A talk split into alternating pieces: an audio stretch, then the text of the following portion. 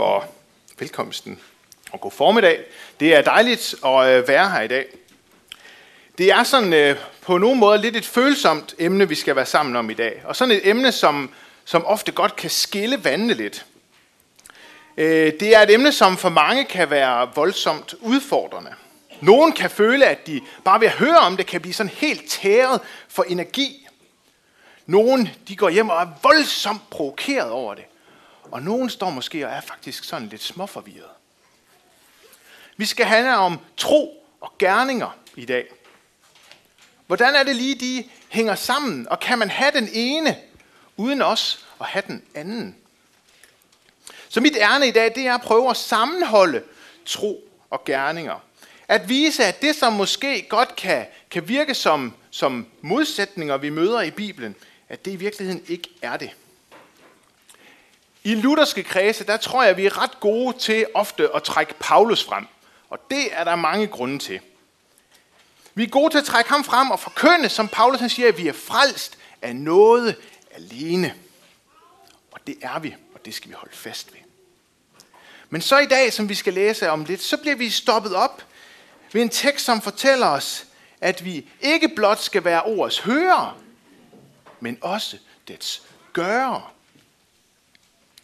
Og hvad skal vi nu forstå ved det? Er det ikke i modstrid med det, som vi lige har hørt Paulus han siger om, at vi er frelst af noget alene? Det er det ikke, og det håber jeg, at det øh, står klart, når jeg siger ammen til slut.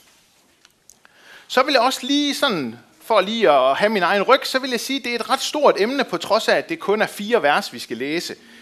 Øhm, jeg vil forsøge ikke at lade munden løbe af med mig og gøre det for langt. Øh, men samtidig så vil jeg heller ikke gøre det for kort, sådan at til sidst, at det sådan hele er sådan lidt uklart. Øh, så nu har jeg forsøgt sådan ligesom at, at gardere mig. Vi skal prøve at finde en balance. Det vil jeg så prøve. Men øh, vi skal starte med at rejse os i respekt for Guds ord. Så skal vi læse fra Jakobs brev kapitel 1, og det er vers 22 til 25. Og der står sådan her. Hver ordets gører, ikke blot dets hører, ellers bedrager I jer selv. Den, der er ordets hører, men ikke dets gøre, ligner en, som betragter øh, sit eget ansigt i et spejl. Han betragter nok sig selv, men går bort og har straks glemt, hvordan han så ud. Men den, der fordyber sig i frihedens fuldkommende lov og bliver ved den, og ikke er en glemsom hører, men en gerningens gør. Han skal være salig ved det, han gør. Amen. Det var Guds ord. Vi skal bede sammen. Kære far, tak fordi vi kan få lov til at mødes her i dag. Tak at vi kan få lov til at være ordets hører. Tak at vi kan få lov til at høre om, hvad du har at sige til os. Jeg beder om, at dem, der er herinde i dag, som du ser har brug for et venligt skub bag, at du må give dem det. Dem, der mere har brug for et skulderklap og for en opmundring, må få det. Og dem, der har brug for at få trøst ved at sidde på dit skød, de må få det. Så jeg beder dig om, Helligånd, at du må komme, og at det må være dig, der taler, så vi hver især må høre lige nøjagtigt det, du ser, vi har brug for at høre. Inden vi sådan graver ned i det, så skal vi sådan lige kort se lidt på ham her Jakob og på hans brev. Jakob han starter brevet, hvis man læser vers 1, med at skrive, at det er til de 12 stammer, der lever spredt blandt andre folkeslag. Dermed kan vi ret hurtigt se, og det er slået an, at det her brev, det er skrevet bredt ud til kristne. Det er ikke sådan en enkelt menighed, som Jakob han her sigter til. Nej, det er skrevet bredt til kristne. Og dermed er der altså pointe i, at det er til alle kristne. Jakob han her har en påmindelse. Fordi det er til de 12 stammer, der lever spredt. Det er til alle. Det har et bredt virke. Han har en bred pointe her. Modtagerne, de var altså spredt rundt, og derfor så levede de alle sammen deres dagligdag blandt ikke-kristne. Det var ikke sådan, at de levede i en eller anden lille boble. Derfor så blev de på daglig basis, der blev de udfordret på deres tro, på deres holdninger. Jakobs brev, fordi han netop skriver til mennesker, der i deres daglige liv, ja, lever blandt andre ikke troende, så har han her sådan en meget mere sådan en praksis kristendom, som Jakob han gerne vil ud med. Jakob han vil gerne fortælle dem om, hvordan det er, de skal leve. Så det er ikke så meget et, sådan et læremæssigt brev, vi har med at gøre her. Og det er formentlig, fordi det netop var det her levede liv, som han vidste, at de her modtagere, de enten var, eller i hvert fald kunne blive udfordret på. Ja, det var sådan lige lidt om Jakob for lige at slå fast, hvad er det for en kontekst, Jakob han taler ind i. Så starter vores tekst her i dag med, at Jakob han skriver, hver ordets gøre, ikke blot dets hører, ellers bedrager I jer selv. Og vi starter sådan lige med at tage den midterste del først. Fordi vi får at vide her, at vi skal være ordets hører. Vi skal høre Guds ord, bliver vi her opmuntret til. Vi skal komme steder, hvor der er nogen, der fortæller os, forkynder os Guds ord. Derhjemme skal vi tage fat i Guds ord. Vi skal læse det. Vi skal læse det sammen med andre. Vi skal bede sammen. Fordi på den måde, så bliver vi ordets hører ved at høre ordet, lytte til ordet og lade ordet komme til os. Jeg tror også her, der er en pointe i, at det er ikke bare noget med, at vi sådan lige hurtigt skal høre det i forbifarten, og så lade det gå ud af det andet øre. Nej, vi skal stanse op ved det. Vi skal bruge tid på det. Vi skal undre os over det. Vi skal reflektere over det. Vi skal studere det. Ja, kort sagt, vi skal give det vores opmærksomhed og vores tid. Og det er noget, som vi skal gøre igen og igen. Vi skal blive klogere på det. Vi skal lade det udfordre os. Fordi på den måde, så kan det få lov til sådan stille og roligt at komme helt ind tæt på os. Helt ind under huden på os, helt ind i hjertet. Relationen til ordet, eller relationen til Jesus, den er på mange måder ligesom alle andre relationer. Det tror jeg nogle gange, vi glemmer. Relationer, det er nogen, der kræver tid. Det er nogen, der kræver engagement. Det er nogen, der kræver vedligeholdelse. Det er nogen, der kræver vedholdenhed. Fordi det er den måde, man får de bedste og de tætteste relationer. De kommer ikke af sig selv. Det er noget, der skal vedligeholdes. Det er noget, der man skal blive ved med. Så vi får at vide her, at vi bliver opmuntret til at bruge tid på ordet. Være ordets hører. Bruge tid på Jesus. Det tror jeg, de fleste af os vil genkende til. Ja, vi skal høre Guds ord. Det er vel i virkeligheden derfor, mange af os også kommer i kirke. Det er vel netop for at være sammen og for at høre Guds ord. Men så er det, at Jakob han ikke bare nøjes med det. Nej, han siger også, at vi skal være ordets gøre. For hvis vi kun er ordets hører, så bedrager vi os selv. Hvad er nu det for noget? Hvordan kan du sige det, Jakob? Gerninger. Jamen, vi er jo frelst alene af noget, er vi ikke det? Og det er sandt, at Paulus han skriver i Efeserbrevet kapitel 2, vers 8 og 9, for at den nåde er I frelst ved tro. Det skyldes ikke jer selv gaven af Guds. Det skyldes ikke gerninger, for at ingen skal have noget at være stolt af. Bum. Jamen, er Jakob og Paulus så ikke i strid med hinanden? Er det ikke modsætninger, det de siger? Hvordan kan begge dele stå i Bibelen? Og her tror jeg, vi rammer et af de punkter i Bibelen, som kan være svært sådan øh, kort at, at udrede, hvad der egentlig menes, og sige det på en måde, så det bare sådan står klart tilbage. Men jeg synes alligevel, vi skal våge pelsen, fordi jeg er helt overbevist om, at der er en grund til, at det står i Bibelen. Det er sådan set ikke til at misforstå, hvad det er, Jakob han gerne vil sige. Jakob han siger, at vi skal ikke kun høre ordet, vi skal også gøre ordet. Og hvis vi læser lidt længere frem i Jakobs brev, i kapitel 2, vers 17, der siger han faktisk sådan her. Sådan er det også med troen.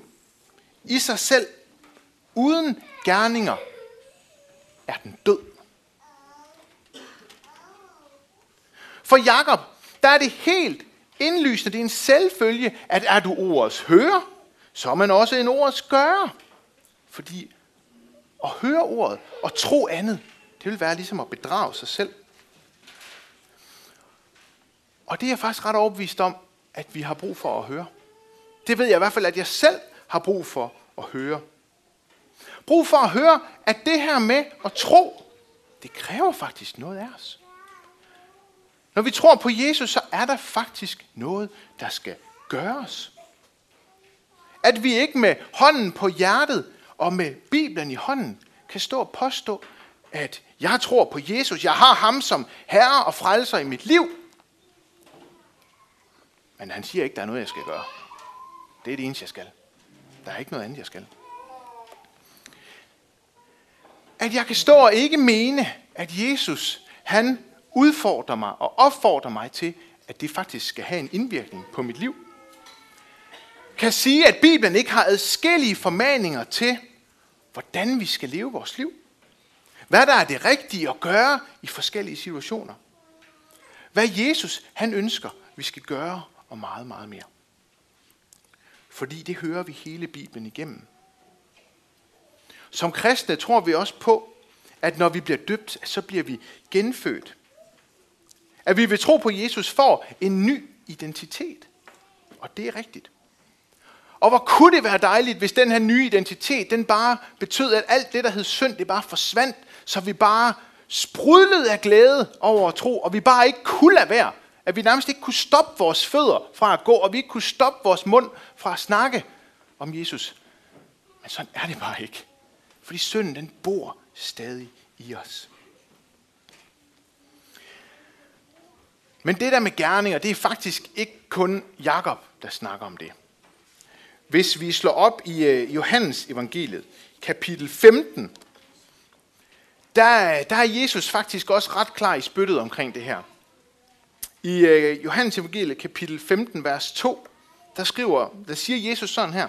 Hver gren på mig, altså hver dem, der tror på mig, som ikke bærer frugt, den fjerner Gud. Han fjerner den, og den kastes i ilden.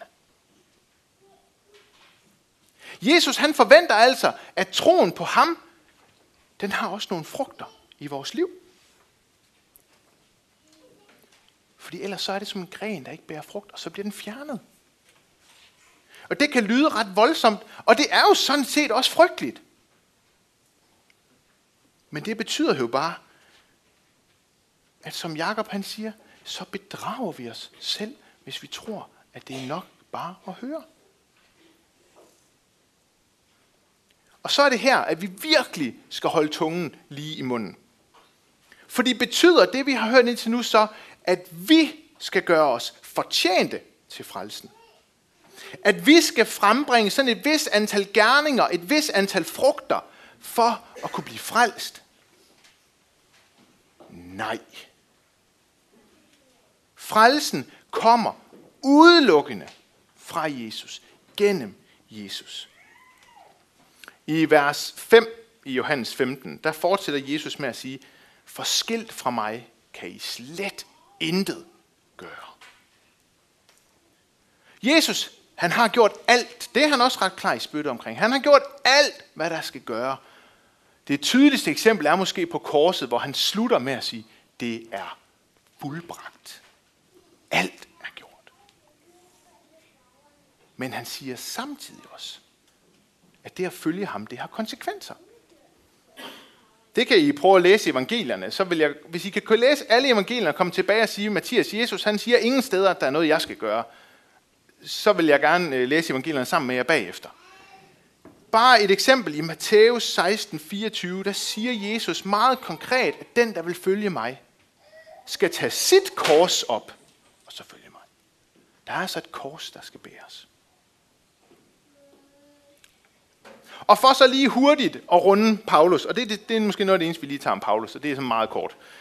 Så bruger Paulus ofte ordet, når han snakker om gerninger, så snakker han om lovgerninger. Og der menes der altså gerninger, som et menneske gør for selv at opfylde loven. Når Jakob, nej, når Paulus han snakker om gerninger på samme måde som Jakob, så bruger han ordet åndens frugter i stedet for. Det er sådan lige kort for lige at vende, når man så begynder at læse Paulus, at der er så en forskel her.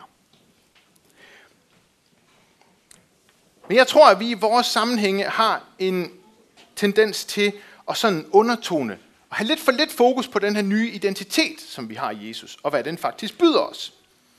Og jeg synes, Jakob han bruger et ret fedt eksempel her. Han trækker det ret godt frem i de sidste vers, han har. Vi læser dem lige igen fra vers 23. Den, der er ordets hører, men ikke det skøre, ligner en, som betragter sit eget ansigt i et spejl. Han betragter nok sig selv, men går bort og har straks glemt, hvordan han så ud. Men den, der fordyber sig i frihedens fuldkommende lov og bliver ved den, og ikke er en glemsom hører, men en gerningsgører, han skal være salig ved det, han gør. Det lyder sådan lidt mærkeligt og paradoxalt, gør det ikke det? Man har lige kigget i spejlet, og straks så har man glemt, hvordan man så ud. Men hvis vi så lige stopper op ved det, hvor mange herinde kan så med hånden på hjertet sige, at de aldrig har stået lige og kigget sig i spejlet, og så bagefter, og så går ud og så tænker, hov, ah, hvordan var det nu lige? Sad håret nu, som det skulle? Var tøjet nu fint nok sammensat? Eller hvad det nu kan være? Jeg synes, det er et fantastisk billede, det her. Han skriver, at vi ser sit eget ansigt, altså os selv i spejlet.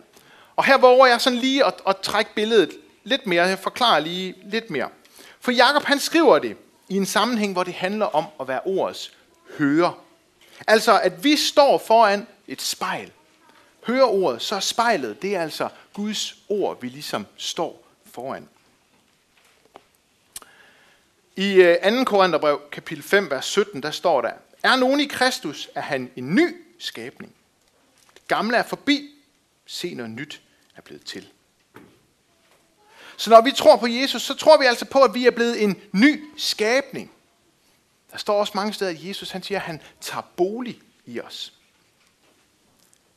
Så når Jesus altså bor i os, spejlet, det er Guds ord, så er jeg ret overbevist om, at vi altså kan sige, at det er Jesus selv, vi faktisk står og ser i spejlet. Det er ham, vi spejler os i. Så når vi hører ordet, ser i spejlet, så ser vi Jesus. Så får vi lov til at høre om alt det fantastiske, han har gjort for os. Vi får lov til at høre, at han fortæller os, at han elsker os. Ubetinget. At han elsker os så højt, at han ikke kunne tåle at se, at vi skulle gå fortabt, så derfor var han villig til at påtage sig al verdens synd og blive forladt af Gud, forladt af sin far, for at han kunne tilbyde dig og mig frelsen og kunne få lov til at være sammen med os i evighed. Er vi der, når vi står foran spejlet, kan få lov til at høre, at det er fuldbragt. Vejen er banet. Og hvor er det dejligt. Og så kan vi stå der, og så fortæller Jesus os også, at nu skal vi følge ham. Nu har vi hørt noget, nu skal vi følge ham. Nu skal vi gå i hans spor. Heldigvis, og jeg har nær sagt, Gud skal tak og lov for det, så skal vi ikke gå vejen mod Golgata. Nej, men vi skal gå den vej, der fører til et nyt liv. Et liv, hvor det ikke er dig og mig, der selv er i fokus. Det er et liv med afsavn. Det er et liv med valg, hvor jeg vælger min næste på bekostning af mig selv. Det er et liv, hvor jeg nemt kan blive upopulær på de ting, som jeg siger, på de holdninger, jeg har. Fordi Bibelen, den udfordrer mange af de ting og de holdninger, som verden den har, som mennesker omkring os, de har.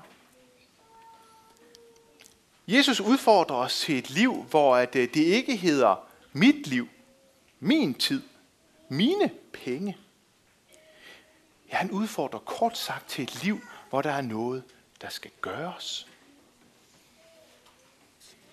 Og her kunne man jo så fristes til at tænke, at jamen, hvis Jesus han har taget bolig i mig, hvis ansigtet i spejlet, det virkelig er Jesus, hvis jeg ser Jesu eget ansigt, når jeg spejler mig, ser mig selv i spejl, så kommer gerningerne vel sådan helt af sig selv. Og her vil jeg trække et billede frem, som Jesus han øh, bruger i, øh, jeg synes det er en fantastisk tekst, fra øh, Johannes kapitel 4, der er Jesus i snak med en samaritansk kvinde. Øhm, og i vers 14 der, der siger Jesus sådan her. Men den, der drikker af det vand, jeg vil give ham, skal aldrig i evighed tørste. Og nu kommer så det et af mine yndlingsbilleder i Bibelen, tror jeg. Det vand, jeg vil give ham, skal i ham blive en kilde, som vælger med vand til evigt liv. Og hvad vil jeg så med det her billede? Jo, Jesus han skriver, at den, der kommer til ham, hører hans ord, tager imod ham, får en kilde i sig. En kilde, som vælger med vand. Han får altså mere vand, end det han selv kan drikke, hvis vi skal sige det på den måde. Vandet, det, det løber over. Og det her vand, det vil videre. Og jeg er ret sikker på, at det også er en af Jakobs pointer med vers 24, med det med at gå væk og så glemme, hvad man har set. At det er den, der kun hører ordet. Den, der kun får kilden, og som nok kan smage det her vand, og som synes, det er dejligt. Det er dejligt at høre, jeg er frelst af noget ubetinget. Men ikke lader det få indflydelse på sit liv. Den, der ikke træffer beslutninger, som har konsekvenser, men som lever et liv bare med sig selv i fokus, det er en, der sådan, sådan sætter en prop i den her kilde. Det er en person, som vælger at lade være med at gøre. Og hvis man vælger at lade være med at gøre noget, hvis man sætter en prop i, på trods af, at man har den her kilde, så mangler det noget. Fordi så er det som at have set sig selv i et spejl, og med det samme have glemt, hvad det var, man så. Fordi der i spejlet, der lød der mange ting, men særligt to. Der lød både et, jeg har gjort alt. Det hele er fuldbragt. Men der lød også et, gå derfor. Gå derfor hen og lad det få indflydelse på dit liv, at det hele er fuldbragt. Så både ifølge Jakob og ifølge Jesus, så er der noget, der skal gøres. Jeg synes simpelthen ikke, det kan læses anderledes, end at hvis der bliver sat en prop i, hvis der kun bliver hørt, så er det en død tro. Så er det en gren, der bliver skåret væk og bliver kastet i ilden. Og så, så våger jeg et spørgsmål, og det kan så være, at der er nogen, der efterfølgende kommer hen og siger, hov, hov, Mathias, det må I så gøre. Kan man så blive frelst, hvis man ikke gør gerninger? Kan man blive frelst, hvis troen det ikke får indflydelse på vores liv? Og der mener jeg faktisk ikke, vi kan sige ja til, at man kan blive frelst, uden at gøre gerninger. For det er jo netop det, som Jakob han kalder en død tro. Det er netop det, som Jesus han siger, at det er en gren, der ikke bliver frugt. Den skærer Gud af og kaster væk. Jamen er det så gerningerne, der frelser? Nej, det er det ikke. Det er troen på Jesus, der frelser. Men en tro uden et levet liv. Hvor troen den får konsekvenser for den måde, jeg lever på, på den ene eller på den anden måde. For troens frugter kan være mange. Det, der skal gøres, kan være meget forskelligt. Men en tro uden et leveliv, det er en død tro. Jeg synes ikke, vi kan komme udenom, ud fra den her tekst, og blive kraftigt udfordret på, og jeg synes, det kan være voldsomt at høre, at vi faktisk godt kan komme her søndag efter søndag og høre ordet. Vi kan åbne vores Bibel derhjemme og læse i den. Og stadig gå fortabt. Vi kan godt være en ords hører og stadig gå fortabt. Hvad er det så, Jacob han vil frem til? Og nu lover jeg, nu står der ikke ret meget i mit manuskript mere, så er jeg færdig. Jo, det kommer han til i vers 25, og det tror jeg i virkeligheden, at der er meget få ord, som man kunne bruge flere prædikner på at snakke om. Der siger han, men den, der fordyber sig i frihedens fuldkommende lov, bliver ved den, og ikke han glemsom hører, men en gerningsgører. Han skal være salig ved det, han gør. Så Jakob han frem til, at det vi skal, det er, at vi skal fordybe os i frihedens fuldkommende lov. Og her er jeg helt overbevist om, at Jakob han med det tænker på det kristne budskab som helhed. Den, der fordyber sig i det, som ser ind i evangeliet og ser Jesu livsværk og bliver frigjort ved det. Ser, hvordan Jesus han kom. Hvordan Jesus han døde. Hvordan Jesus han netop ved sin død sejrede over synden og døden. Og dermed sprang de lænker, som holdt os fast. Ser, hvordan Jesus døde for alle mennesker. Ser, at Jesus han levede fuldkomment, og at han dermed opfyldte loven. Ja, kort sagt, den, der ser den nye identitet, vi har fået i Jesus, men også lever i den. Lever den ud er en ords gøre, som siger ja til Jesus, og som siger ja til, at det får konsekvenser for mit liv.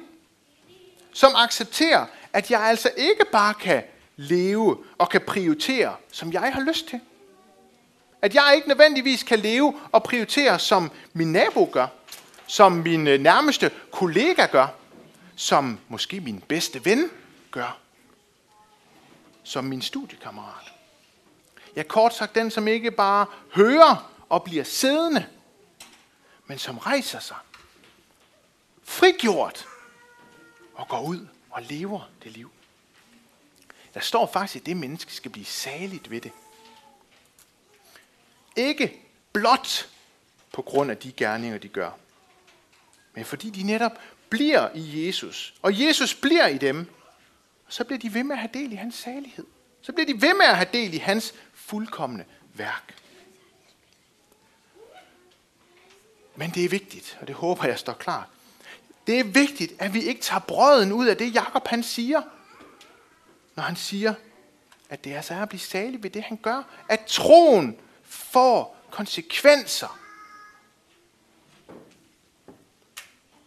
Så spørgsmålet, vi må stille os selv i dag, og mange gange fremover i vores liv, det må være, er jeg kun en ords hører, men ikke dets gøre? Vil jeg rigtig gerne have del i Jesu død og hans opstandelse? Men jeg vil ikke tage mit kors op. Jeg vil ikke lade det få konsekvenser for mig. Jeg vil ikke leve som kristen. Jeg sætter prop i den kilde, jeg har fået. For så er der altså noget, der må ændres. Så er der noget, der må gøres op. Fordi det gælder altså evigheden. Lige her er det jo meget med fokus på, at det gælder evigheden for os selv. Fordi grenen, den bliver altså skåret af, hvis den ikke bærer frugt. Men det gælder også de mennesker, som vi møder på vores vej. Og som netop gennem dig, og gennem det du siger, eller det du gør, eller den måde, de kan se, at du prioriterer på, eller hvad det nu kan være, at de kan få lov til også at blive gjort fri. Også kan få lov til at se, at Jesus han også døde og opstod for dem. Amen. Vi skal bede sammen. Kære Jesus, tak fordi du døde for os. Tak fordi du råbte ordene, det er fuldbragt. Og tak, at det gælder dengang, det gælder i dag, og det gælder resten af den tid, som den her jord den eksisterer. Og jeg beder dig om, at vi må få lov til at fordybe os i det. Og at vi må få lov til at glæde os over det. Se, at vi er gjort sat fri. Men at vi også må se, at det faktisk har konsekvenser for os at tage imod det. Og at det må få konsekvenser for os. Jeg beder dig om, at du vil hjælpe os til at være så tæt på hinanden, at vi også tør at se ind i hinandens liv og udfordre hinanden på, at det faktisk skal have konsekvenser. At vi faktisk bare ikke kan leve vores liv helt, som vi vil. Ja, det beder jeg dig, Helligånd, om, at du vil hjælpe os til, så vi kan nå målet sammen. Amen.